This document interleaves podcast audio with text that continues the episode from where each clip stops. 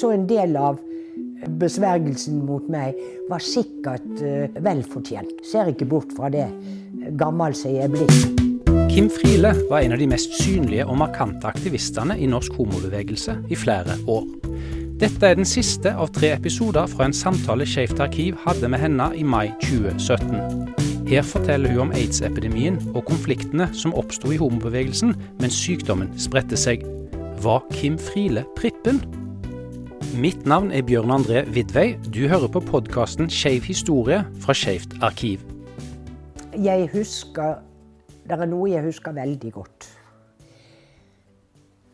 Min fars 80-årsdag hadde jeg reist hjem til Bergen for å delta i.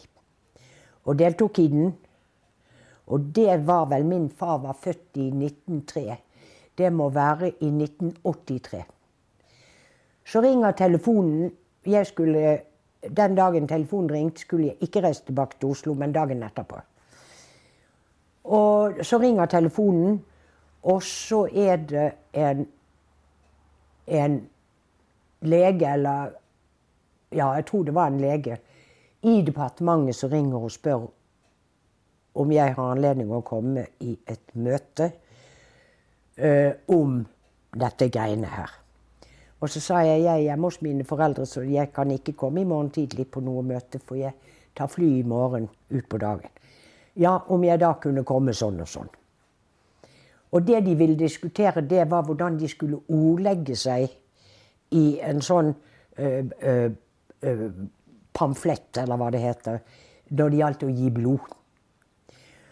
Og da hadde vel jeg hatt kontakt enten med Georg eller med Kalle for å be om råd der.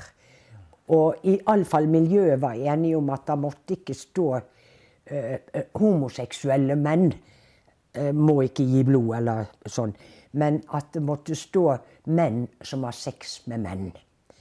Uh, for vi var jo såpass kloke at vi visste at det kunne skje ved rene tilfeldigheter. I situasjoner menn befinner seg.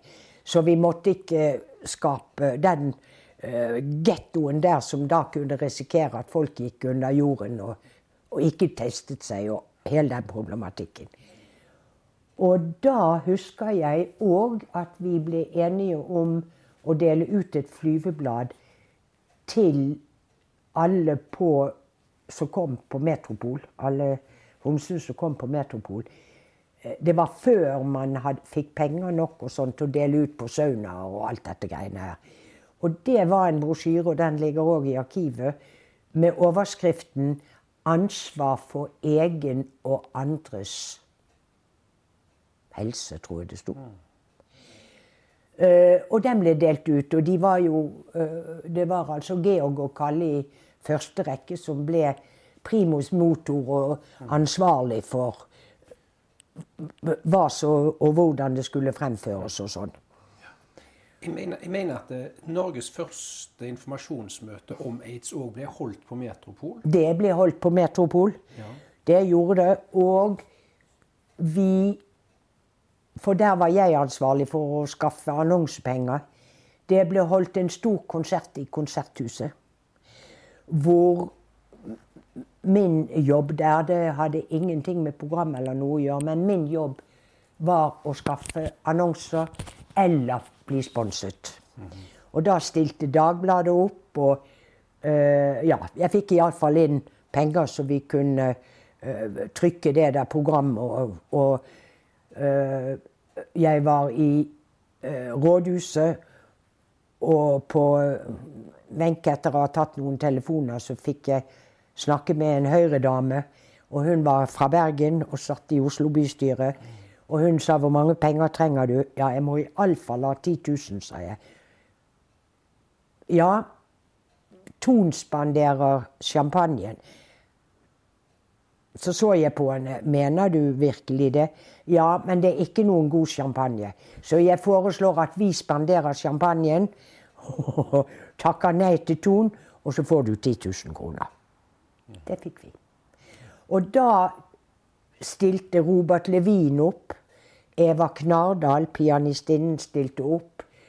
Uh, uh, per Aabel stilte opp. Det var veldig mange kunstnere. Og Dagbladet sponset. Og vi hadde helsides annonse i Dagbladet. Det ligger i arkivet, dette her. Hvor vi hadde Var det 100 kroner for hvert navn, tror jeg. Og det var smekkende fullt av folk som betalte og sånn, så uh, vi hadde jo ikke noen utgifter. Og så var det den konserten, og så var det noe greier og noen skåling og noe greier på scenen etterpå. Og pengene gikk til uh, Helseutvalget, som da var i sin spede begynnelse. Kanskje de allerede var dannet, det vet jeg ikke. Men det var også Georg og Kalle. Ja. Så fikk vi Helseutvalget. Og, og, jeg husker veldig godt en veldig dramatisk telefonsamtale mellom Astrid Nøkleby Høiberg og meg. Eh, for jeg sa til disse i Helseutvalget at eh, jeg må forsøke å sette i gang og se om vi kan få noen offentlige penger. Eh, nå må disse politikerne forstå at dette er ikke noen flue eller virus som befinner seg i Akersgaten. Og, og, og Karl Johan og Stortingsgaten og alt er fri for virus. Og det er helt urimelig. Dette er ingen synd og fordervelse. Dette er Dette vet man ikke riktig. Man vet og tror nå at det, at det smitter via seksuell kontakt. Og man er også nå mer eller mindre klar på at det kan smitte uh, gjennom blod, f.eks. Altså væske og alt det der. Men nå må vi få penger. Og jeg sa det at de stakkars pengene vi har, de må vi bruke til informasjon. Det er også aids-forebyggende. At vi driver alminnelig seksualopplysning og sånn. Det er også aids-forebyggende. Men Helseutvalget må jo få penger så lenge helt til det offentlige får fingeren ut. Og jeg har lovet at jeg aldri skal gjengi hva Astrid Nøkleby Heiberg sa til meg, og det, det vil jeg ikke gjøre. Men det, var, det, ble ikke noe godt mottatt at jeg sa at nå må Sosialdepartementet Hun var da eh, sek, eh, altså, hva heter det, statssekretær for Helø, som den gangen var helseminister. Og for å gjøre en lang historie kort, så ble det totalt avvist. Men hvordan tok eh, miljøet imot dette opplysningsarbeidet òg? For det var litt sånn begge deler, var det ikke? Jo, det var begge deler. Og, og, og jeg vel, eh, ble vel etter hvert også kjent som å være en kjetter her. Eh, litt urimelig syntes jo jeg, da. Men, eh, men altså andres opplevelser av en, det må en alltid ta alvorlig. Eh, det hjelper ikke at en selv syns en er en engel og er praktfull, hvis omgivelsene opplever at, at en er en burugle eh, og en kjeftesmelle. Eh, det som vel var, var Altså, jeg hadde ingen moralske skrupler. La det for Guds skyld være Men jeg var vel ikke Jeg holdt på å si feminist for ingenting. Eh, og skrev da en kronikk sammen med psykolog Elisabeth Bjørk, som var veldig sentral og hadde sittet i uh, landsstyret for Forbundet 48. Skrev da en kronikk i Aftenposten som ikke ble godt mottatt. Hvor vi begge to, og det står jeg fast ved, og det er jo blitt mennenes politikk òg, å ta ansvar for egen og andres helse. Men Eh, jeg sa at kvinner har alltid måttet passe på. Eh, helt siden de fikk tolv barn fordi de ikke fikk vite om prevensjon. Eh, kvinner har alltid måttet passe på for ikke å bli uønsket gravid. For det var ikke så sjelden Det var ikke så sjelden det skjedde at mennene stakk, og kvinnen ble sittende igjen gravid med et såkalt uekte barn, som det het. Og det som er situasjonen i dag, det er jo at under alle omstendigheter Nå husker jeg ikke den kronikken, jeg bare husker at jeg syntes den var god. Eh, det er at nå må menn ta ansvar for egen seksualpraksis. Eh, Og det ble nok uh, delvis misforstått. Delvis bevisst misforstått av folk som burde vite bedre om meg. Og det ble en del støy og spetakkel omkring det. Men dette løyet jo. Og vi var jo alle Men jeg brukte ikke tid for å, å gå og lære hvordan jeg skulle tre på kondomer. Eh, for jeg meldte meg jo altså ikke til denne etter min mening helt strålende hjemmehjelptjenesten, hvis du kan kalle det det. Eh, jeg hadde min plass der jeg var, og, og, og, og de andre valgte altså Og, det var storartet. Eh, men det var mye unødig støy hvor man ikke ville legge godviljen til. Og så er jeg helt sikker på at eh, om ikke all, så en del av besvergelsen mot meg var sikkert vel fortjent. Ser ikke bort fra det gammel som jeg er blitt, og våger å og hva er det AKP-ene sa, eller de sier at hun ja, sjø, gå, ta sjølkritikk. Vi ville alle det beste. Vi ville alle at uh, dette måtte stoppes. At ingen skulle få moralsk krampe. At uh, sex var bra. men at det var ikke så dumt å Og så lærte vi etter hvert at Eh, det hjelper ikke bare å ha én partner hvis den ene partneren uten å vite det f.eks. er smittet. Du kan ha 100, og du blir aldri dårlig. Men du kan ha én og bli smittet. Det kom med kunnskaper som vi ble tilført i forbundet etter hvert som ja, Frøland og alle forstår seg på å kunne skolere oss. Eh, men det er klart Du vet, altså Min generasjon Det var sikkert ikke det letteste heller. Eh, det var jo stor aldersforskjell på de som drev helseutvalget, og meg, f.eks. Det var jo opptil 25 års forskjell. Det var kjønnsforskjeller. Eh, de som var 25 år eldre enn meg, de hadde vokst opp i en helt annen homotid enn meg og min generasjon. Jeg ser ikke bort fra at vi kunne være snerpete. Jeg ser ikke bort fra at vi var trøtt og lei av å skulle skamme oss og gjemme oss og alt. Og nå skulle vi få dette. Og Derfor så sier jeg at noe av kritikken var helt sikkert berettiget.